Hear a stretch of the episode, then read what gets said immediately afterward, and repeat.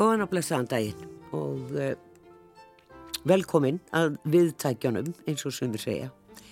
Gestur minn í dag er, uh, já, hefur marga titla, marga hatta en og gætnar sagt. Hefur uh, synt ímsu um æfina en hún er nú orðin svolítið fullorðin, fullorðnari heldur en ég held, þar til ég gáða því. Þórun Siguradóttir, leikona, leikstjóri, listrætt stjórnandi, Já, ég veit ekki hvað ég segja, formaður Ímis að nefnda, þú hefur fengist við ansimart.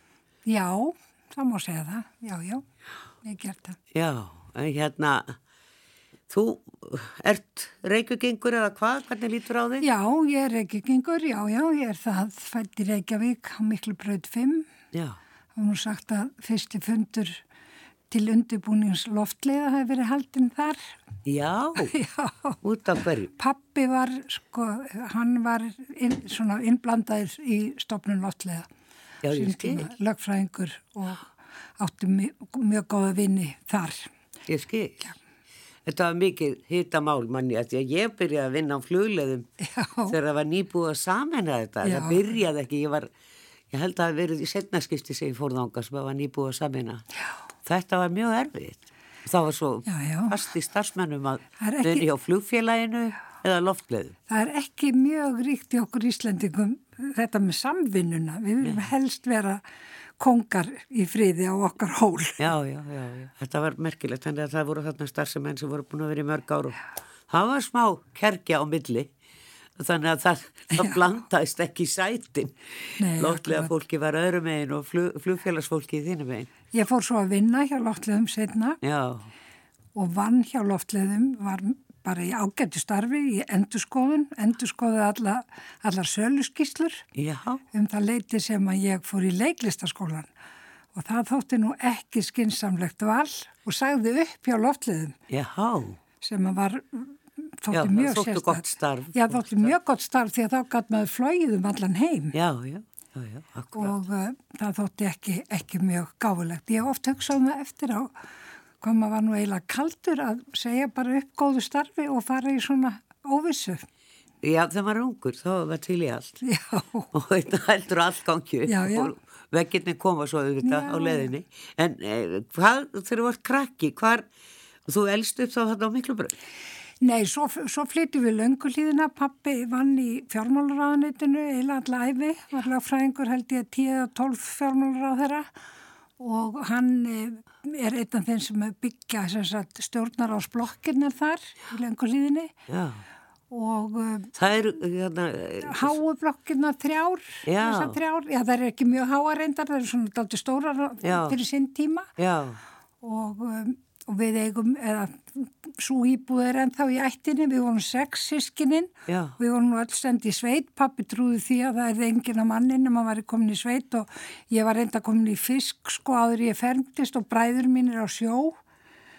Og uh, en ég var, svo var ég á kvískerjum mörgsumur í sveit í Örafum já, hjá bræðrunum þar og það, það var mjög góðu tími. Þannig að ég, mér fannst ómulegt að vera í Reykjavík á sömrin já, mér fannst það hundleðilegt, ég vildi vera í sveit. Já, já, en ég var nú alltaf, mér fannst alltaf ég er náttúrulega eina af þeim sem er alin upp eins og ég heyrði að Steinun Sigurðardóttir Rítvöndu var hér í viðtali. Hún sagði sko íslensku leikúsin þau bara ólum upp. Og ég er svolítið þar líka.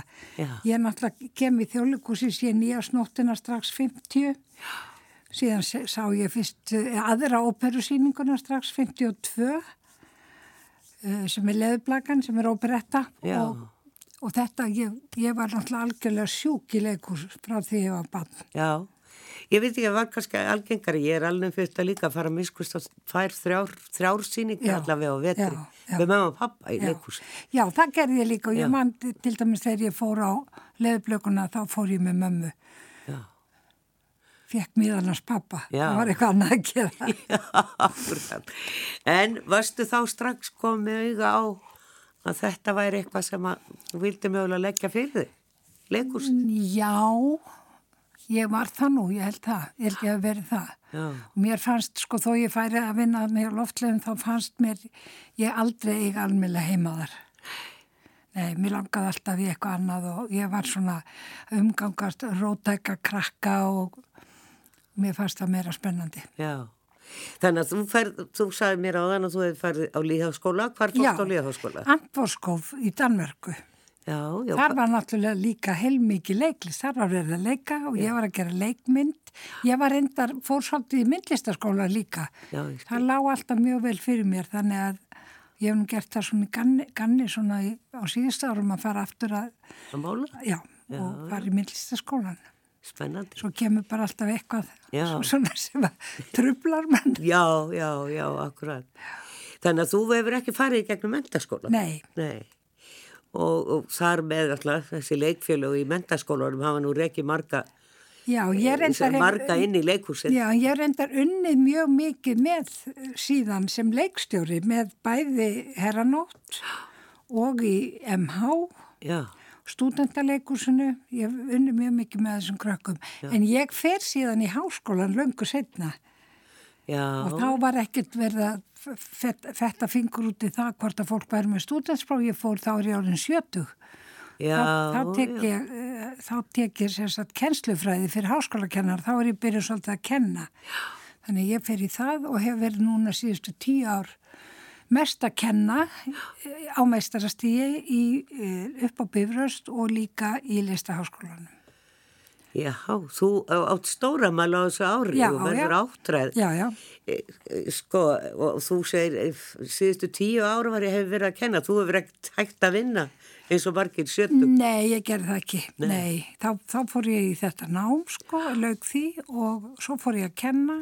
Mamma var nú kennari, pappi var lögfræðingur, þannig að það má segja ég hef farið þetta svona í þeirra fótspór í lokin, sko, því að að nú er ég sem sagt að undirbúa þetta lagafrumvarp. Jú, umvitt, þú má koma því á eftir.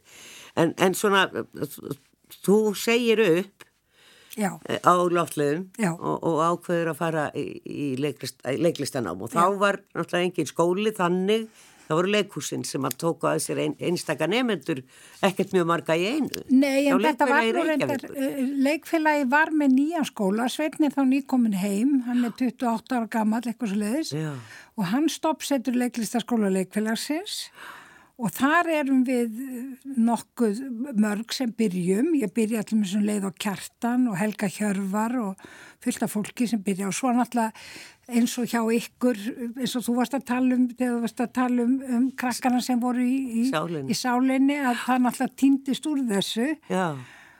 En við vorum, við vorum nokkuð mörg samt svona við verðum tíu sem að kláruðum þetta. Já, þó þetta margir. Já, og alveg þryggjára nám, sko. Já. Og vorum svo líka mjög mikið að vinna í leikursinu. Og ég Já. var mikið að vinna með steinþóri í leikmyndum og búningum til dæmis. En svo vorum við statistar í síningum og smátt og smátt svona fengum við að vera aðeins með og fá einhverja smá rullur og hoppa inn í og ég hoppaði til dæmis inn í dúpnaveisluna fyrir Helgu Backmann, ég mandi því og legabondi Haraldi Björnsinni Já, hérna já, já. Þannig að þessi skóli var að mörguleiti sko hann var svona, hann var að mörguleiti daldi góður, voru góðir kennarar Já En þetta var náttúrulega mest verið að kenna svona milli fjögur og átta Já. mest á þeim tíma. Já. Svo vorum við mjög mikið að vinna í leikursuna á kvöldin. Ég skil. Já. Skrítin skólatími, en það hefur náttúrulega verið vegna þess að leikarnir voru allir að æfa á daginn. Já. Já. Já. Þannig að þetta voru, kennararnir voru leikararnir í leikursuna. Já, mestan part, en svo voru, var fólk eins og Brotti, Andris Björnsson, það var fólk sem kom líka utan að sko og Sveitn hafði svona vitað því að hann hafði svolítið stúderað svona hvernig hvernig eh, leiklistaskólar voru að þróast á þessum tíma. Þetta var svolítið ólíkt þjóðlíkusskólanum sem var miklu formfastari. Þar þéruðum enn kennarana og svona, það var ekki alveg þarna. Við vorum að vísu skítrætt við Gísla Haldursson en við þéruðum hann ekki. Nei, nei, nei, það hefur svo lagst af. Þetta var náttúrulega bara í viðtölum í sjónvarpinu. Já. Fyrstu tíu á 15 ára, bara allavega í tíu ára þá, bara viðmælandur þéræðis. En svo náttúrulega bara er þetta fólk sem að maður vann með, ég leikstýrði gísla í stóru hlutverki, síðasta hlutverki sem hann leik í þjólukursinu, leik hann hjá mér í hausbrúði, þannig að, að þetta er svona langur þráður. Já, sko. já. Ég hef nú einhvern tíma að segja það á sviði, en þú kannski eh, varst ekkert að leika neitt rosalega mikið, ég er reyndar fer hérðan nokkuð mörg ára en ég, ég hef nú stund að leiku sig allar tíð Ég leik nú talsvert mikið neyri inn og jú, Já, já. þó nokkuð mikið uh, í nokkur ár en svo byrja ég að leikstýra Já, og þá misti ég alveg áhugan á að leika. já, það er nefnilega það Svo fór ég að skrifa líka og þá, Já, já, þá misti ég ennþá meira áhugan á að leika. Svona er þetta nú sko. Já, En já. Mér fannst náttúrulega eiginlega fannst mér leikstjórnin svona eiga mest best við mig. Já, Og leikstjórnin er líka mjög góðu skóli inn í önnu störf. Af því að leikstjórnin er svo mikið sambland af, af því að vera hugmyndaríkur og skipilagur. nákvæmlega Það er svo mikið bæði heila kvelin sko sem maður þarf að nota. Þannig að það, það var þjálfun sem að reyndist mér mjög vel þegar að ég svo svona fyrir hálfgerða tilviljun fer, fer í svona stjórnunastörf. Já, þú náttúrulega ert uh, svo listrætt stjórnandi listaháttíða Já, og þú varst með Reykjavík menningaborg já, og þá var nú gert svolítið grínað í, svona í menningabransanum að þegar Stefán var þjóðlugustjóri og þú varst Já, með já. menningaborgina Já, já. að, hérna, hvað væri talað um á Heimilinu? heimil, Já, já. kottunum, hvað væri kottasnakkið akkurat. uh, og þau voru náttúrulega með heilmikið fjármagn í. Hjónin, já. Við vorum það og ég sko eftir þetta, e eða reyndar áður en að þessu kemur, þá er náttúrulega Stefán Árnum þjóðlíkustjóri og þá var ég alveg búin að átta mig á því að, að vera leikari og leikstjóri í þjóðlíkusinu meðan hann var leikustjóri, það var ekki eitthvað sem ég langaði til að gera. Nei, Þannig ég, mér, mér fannst það ekki passa og ég hef verið mjög svona stíf á því að og eins með dóttur okkar og svona, hún var aldrei í leikursinu meðan pappina var leikustjóri, hún kom ekki eins og með okkur á frumsýningar. Þannig að mér finnst rosalega mikilvægt aðgreina þetta og mér fannst þess vegna ágætt að fara bara í allt annað þar sem að, þar sem að, að það er allt aðri sem að kalla mig til verka og hann kom ekkert nála því og er í allt aðri starfi og það bara hefur reynst ágætlega. Þannig að við höfum farið alltaf mikið í sitt hvort áttina. já, Þó að ég sé svo núna aftur að vinna fyrir óperumálinn og hann hafi verið óperustjóri, þá er það eiginlega, hann kemur heldur ekkert nálagt því að ég, hann er löngu hættur náttúrulega sem óperustjóri og Já. svo allt í einu er, er ég beðin um að koma að þessu verkefni núna sem sagt að, að undirbúa þjóðaróperu já, og ég get svo svo sagt að það nýtist auðvitað mjög margt úr þessari fyrir reynslu vegna þess að í þessum störfum þá var ég eins og til dæmis á listhátti, við vorum, við áttum til dæmis frumkvæði að því að, að, að búa til svona sampródusjón af hollendingum fljúandi sem að var þjóðleikúsið, Íslenska óperan, listaháttið og symfónían. Já, þar, þannig að sko það er ágætt, ágættis svona, ágættis reynsla þó ég hefði náttúrulega alls ekki áttam á því þá að þetta myndi einhver tíma setna koma mér að einhverju gagni. já, það er nú aldrei skert það núna í þessari stofnin þjóðuróperu en e, sko hvenar e, þú ferðu þá eiginlega bara út úr leikusunni svolítið Alveg. Þegar- þegar Já, Stefán já, tekur við sem já. leikhússtjóri. Og ég, þá er ég beðin um að koma inn í listaháttíð og, og ég hugsaði bara með mér, já þetta er bara, ég prófaði þetta bara og, og ég bara fann mig mjög fljótt þar. Já. Þar voru stórverkefni sem þurfti að leysa, það þurfti að breyta háttíðin og gera ýmislegt og mér fannst það bara, fannst þetta mjög spennandi og ég hugsaði með mér, þetta er bara, ég bara sé hvernig mér líkar þetta og þá eiginlega ákvaði ég líka þegar ég komið þangað að hætta alveg í leikursinu.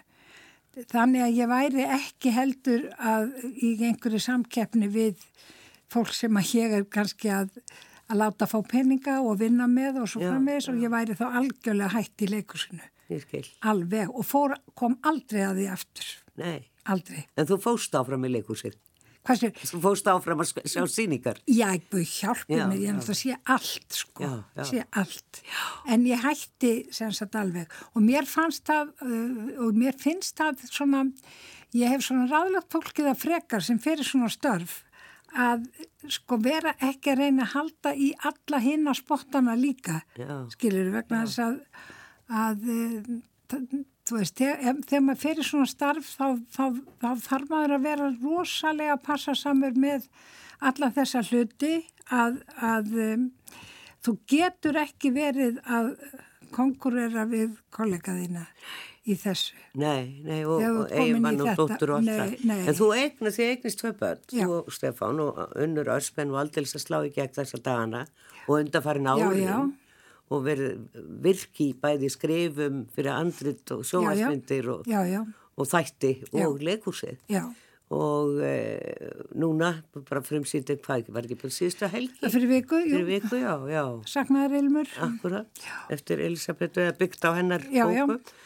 Eh, en sonur ykkar, hann er ykkur allt öðru. Já, en hann byrjaði nú í músík, sko. Já, hann var í, í Guskus, ferðast með þeim um allt. Já, já. Síðan fór hann bara í business eða svo leiðis, hann vann, vann hjá landsbankanum og síðan er hann búin að vera hjá Kvíkubanka og núna er hann með sitt degi fyrirtæki Já.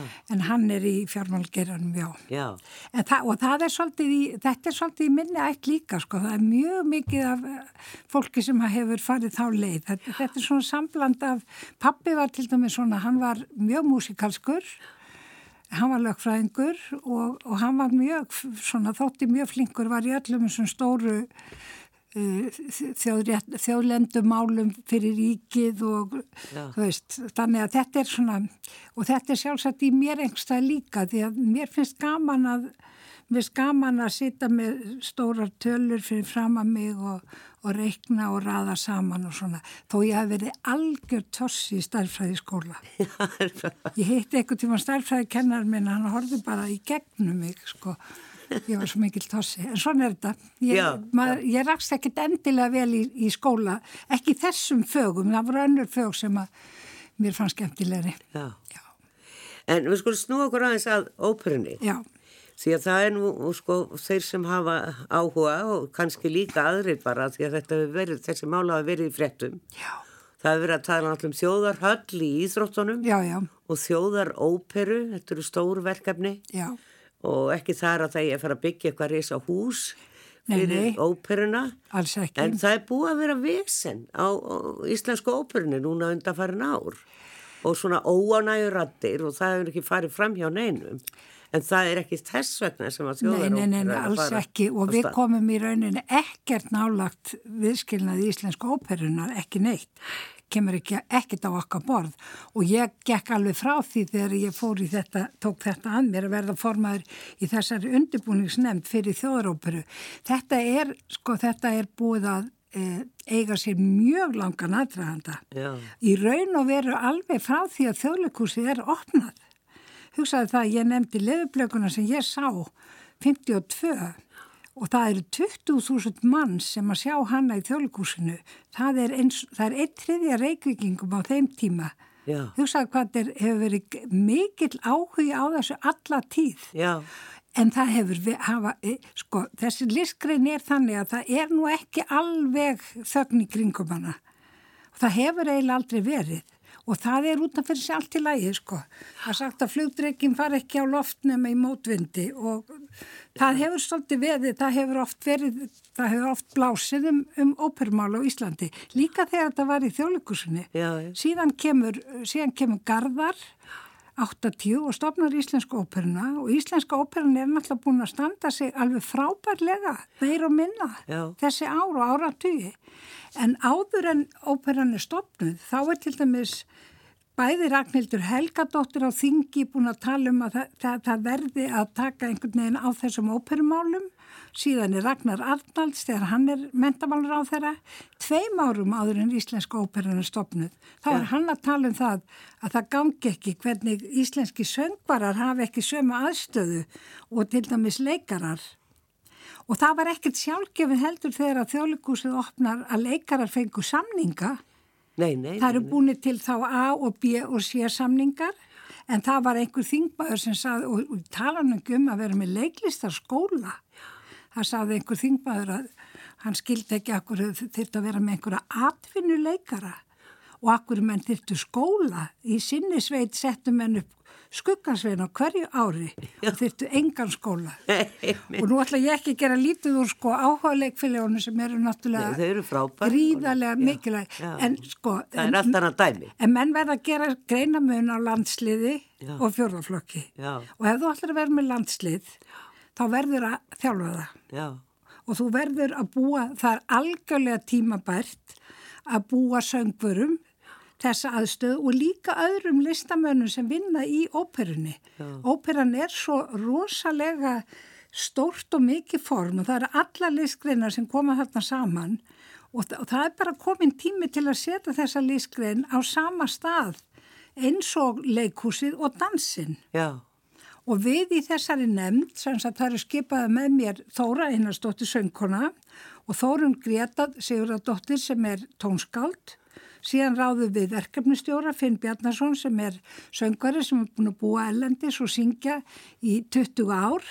Og við komum saman að því að, að setjast yfir alla þá vinnu sem hefur átt sér stað sem er gríðarlega mikil í gegnum árin og áratugina og sérstaklega náttúrulega síðustu ár þar sem hafa verið nefndir sem hafa verið að, að kanna þetta og setja einhver markmið og segja hvað er það sem við viljum fá, hvernig viljum við setja óperuna þannig að hún sé einhvern veginn á sama stað og þessar eh, listgreinar Já. eins og dansinn og leikhúsið og við höfum verið að vinna úr þessu og okkur er gert að, að skoða þessa leiðir sem að menn hafa verið að, að svona undirbúa og, og niðurstaða okkar verður síðan svo að, að, að, að undirbúa lög sem gera ráð fyrir því að þetta, að þjóðaróparan fer, fer semsta stað sem eins konar dótturstoflun þjóðleikursins. Eins hún var í gamla daga. já, ég man eftir því að þetta hafa séð brúköp Fíkarús held ég í þjóðlikursinu. Já, Þarna já, á- snemma já, á já, átta áratögnum. akkurat. Og þá einmitt stóð mikill styr um Já, já. Guðrún, Já, já, Símonar væri ekki í já, já, Og þá var ein konar leikurstjóra já, sem já, að söng þær. akkurat. Og hérna Sigurður Rósinkræð. Já, já, þetta hafi verið náttúrulega mjög oft mikil átök. Við höfum alla þennan tíma, höfum við átt mjög stóran hóp af sterkum söngurum Já, og núna við höfum fullt af fólki sem er að syngja út um allan heim. Og söngur er svo, sko, hann er svo, hann er svo vinsæll á Íslandi. Hugsaðir alla tónlistaskólana, allt tónlistafólki sem við eigum. Og það er náttúrulega algjörlega komin tími til að, að taka þessa listgrein og gefa henni þetta, þetta vægi. já, Það sem að hefur verið náttúrulega flóki hjá okkur, það er að, að það, þarf, það, það þarf að setja náttúrulega, við ætlum, það verður ráðin óperustjóri skipaður af ráðherra, þannig að þetta verður sjálfstæð stopnun, listrænt, já, en síðan er, er við að nýta með þjóðleikúsinu alla þá innviðir sem þar eru. Og þá erum við náttúrulega að nýta miklu betur eigur ofinbæra aðila, Já. rými og komið veg fyrir alls konar sóum, við getum gert saumastóðuna nýri hörpu á tónlistarherbyggi, við getum nýtt hörpu miklu betur. og síðan ætlum við bara að þar verður aðal aðsetrið, það verður nýri hörpu. En síðan verður leikið mjög víða. Og það er eitt af því sem er mjög skýrt í öllum þeim tillögum sem að hafa verið laðar fram að það er þessi óskum um, um að mikla græsrótarvinnu, vinnu með þessu öfluga starfi sem er við út á landi í öllum landslutum, hofi með skólunum, með listaháskólanum, hafa óperustúdíó, allt þetta setur við á blað núna Ég skil. til þess að gera þetta virkilega svona lifandi og, og kraftmikill í stofnun en þetta er ekki sko það að, að í raun og veru stöndu við á aukslunum á íslensku óperunni. Við erum að byggja á því sem þar hefur verið gert. Þetta er ekki þeim til höfus, það er búið að ákveða það að, að þetta sjálfsegnastofnuna form, það sé það þjóni þess ekki lengur. Nei. Það hefði auðvitað hugsalega verið hægt með því að setja miklu meira fjármagn í það en núna er það gert með því að ríki fylgir því daldi vel eftir með, með ákveðnum skýrum markmiðum hvernig á að nýta þessa peninga og til hvers er ætlast.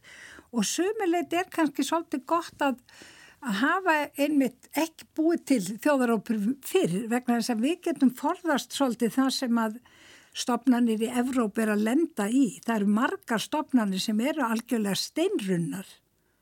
Já. Það er ekki meiningi með þessu. Þetta er svolítið svona eins og ópera án veggja.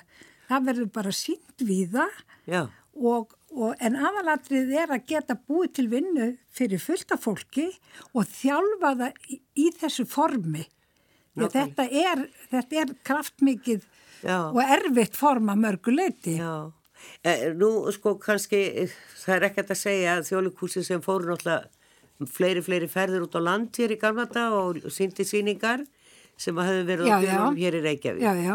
En óperan er náttúrulega, það er svo við mikið, þú ert með, með heila hljónsveit og þú ert með kór og þú ert með kannski fimm söngvara. En við erum ekki endilega að tala um að fara með síningar út á land, við erum að tala um búið til samstarfsverkefni. Já. Samstarf, þar sem eru kórar, þar sem er vísir að sinfoníu hljónsveit, sumstaðar eru menn að setja upp söngleiki á Ísafyrði, óperusýningar í Keflavík, hljónsveit fyrir austan fjall, Akureyri, Östfyrðir, þetta er allstaðar og við erum að hugsa um samstarf með þessu fólki Já. á þeirra fórsendum, ekki bara, og þá, þá kannski eru lánaðir söngvarar, skilur við, en ekki endilega að fara að flytja heilu síningarnar á milli, heldur byggja svolítið á því sem fólki er að gera. Og þetta er náttúrulega svolítið nútíminn, eins og ég segi það, það þurfa ekki allir að vera kongar og ráða öllu. Og við sjáum þetta svolítið fyrir okkur þannig að við sjáum þetta fyrir okkur þannig að það er verið að vinna með þjóðinni. Já, og vinna með skólunum, það er náttúrulega gríðarlega mikið starf sem að allir vilja í rauninni taka þátt í. Allar þessar stoflanir, symfónían og þjóðleikursu og dansflokkurinn, en, við en framtíðarsýnin er svo að þessar stoflanir verði í rauninni hliði hlið, dansflokkurinn, þjóðarópera og þjóðleikurs með einhvers konar stjórn yfir sér, hvort sem það er einhvers konar stækkað þjóðleikursáð eða jafnvel einhvern sviðslistaráð kannski. Þetta er svona á öllu Norðurlöndunum, þetta er svona um alla Evrópu já, og við þetta litla land og fámenna sem að þurfum að hafa konga allstáðar, við þurfum bara að læra að vinna saman. já, já. Vegna þess að það er svo miklu hagkvæmara. Þetta er falleg hugmynd. Eh, Þið hafið þá líklega einhverju leiti kannad jarðvegin hér og þar. Að sjálfsögðu Já. og við auðvitað, sko, nefndirna sem eru undan okkur, þær eru náttúrulega búin að vinna gríðarlega mikið starf Já. og þessi umræða er búin að vera mjög lifandi í mörg ár.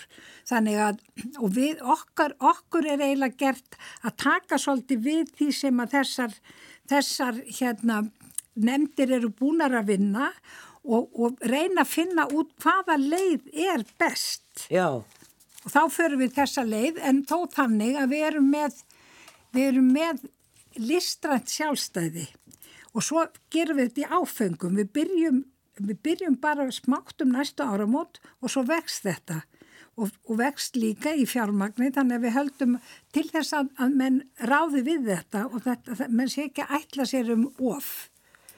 Og ég held að það, mann finnst það yfirleitt líka vera skynsanlegt, ekki að einhvern veginn að byrja að belga sig allt og mikið, heldur byrja svolítið á græsrótinni. ég skil, ég skil. En síðan að ráða náttúrulega söngvara sem er auðvitað mjög mikilvægt.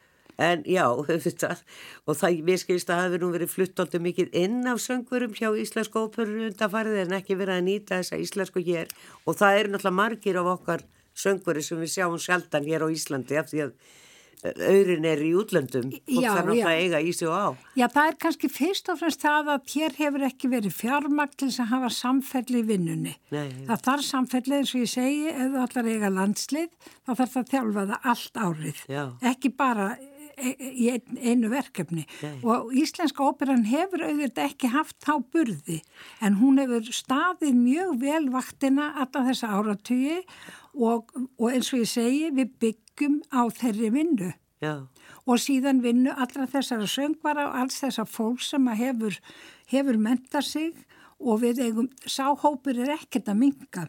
nei, það er maður heyrir af mörgu ungu fólki sem er einmitt að nema söng hér og þar út í einu stóra heimi. Og það er mikil samstæða sko hjá hérna listamanna hópunum á bakvið þetta. þetta er sem sagt, núna er þetta í, í samráðsgátt og síðan væntalega verður þetta lögum núna setna bara í mars. Já, þetta fer fyrir þingið. Þetta fer fyrir þingið, þetta er, þetta er hluti af sviðslista lögum Já, og við erum að vinna núna greinagerð og síðan þarf að vinna reglugerð og þetta eru heilmikli pappirar og heilmikil vinna sem fylgir því og, og við erum náttúrulega bara í mjög góðu samtali við geiran, Já. sem maður segir, og líka, líka íslensk óperuna, sannlega. Já. Hún hefur verið með okkur í að, að skaffa okkur alls konar upplýsingar sem við þurftum að fá, því að við erum í raunin að gera fimm ára plan, fjárhagslegt plan alveg upp í, upp í, sagt, upp í það, það, það fjármagn sem að á að lokum að vera komið sem er um 800 miljónir og það er eftir fjögur ár. Já. Þannig að þetta vex svona ár fá ári en við þurfum að skrifa samt út, búa til svona skapalón að hverju ári en óperustjóri sem verður ráðinn og verður ráðinn væntalega núna bara í sumar, þarf auðvitað að hafa frelsi til að vinna úr þessu sem við erum búin að leggja upp með og búa til og geta svona valið og, og, og raða niður eftir vild og valið síðan söngbara eins og passar. Og við erum ekki að tala um það að allir verði fastráðnir heldur Nei. þetta sé reyfanlegt og það er hægt að ráða fólk kannski sex mánuði eða hvernig, eftir því hvernig svona árið lítur út. Já, og, og svo er auðvitað eitthvað sem verður aldrei betra heldur en fólki sem vinnur það. nei, Það er ágætt að hafa það í huga, það er alveg saman hvað þú skrifa mikið að, já, já, að, að það er gott fólk til að vinna þetta og mikla samvinnu og fólk þarf að vera tilbúið að, að, að vinna saman já. til þess að láta þetta ganga upp. Þú ert formaður fyrir þessa nefnd Já. og, og þetta er búið að taka aldrei langan tíma mikla fundasettur og mikla, mikla yfirlegur get ég Já, rosalega mikla yfirlegu, já, já. Já. En við höfum náttúrulega, það er bara svo mikil og fín vinna sem er búið að vinna áður hjá fyrir nefndum. Það hafa ekkit allir verið sammála Nei. Og mín, mín nefnd, við höfum verið mjög vel saman og við höfum verið mjög samtaka Já. og þær eru náttúrulega báðar með mikla reynslu, finnur er líka með mikla reynslu og við komum öll svolítið með sitt hvora reynsluna að þessu borði.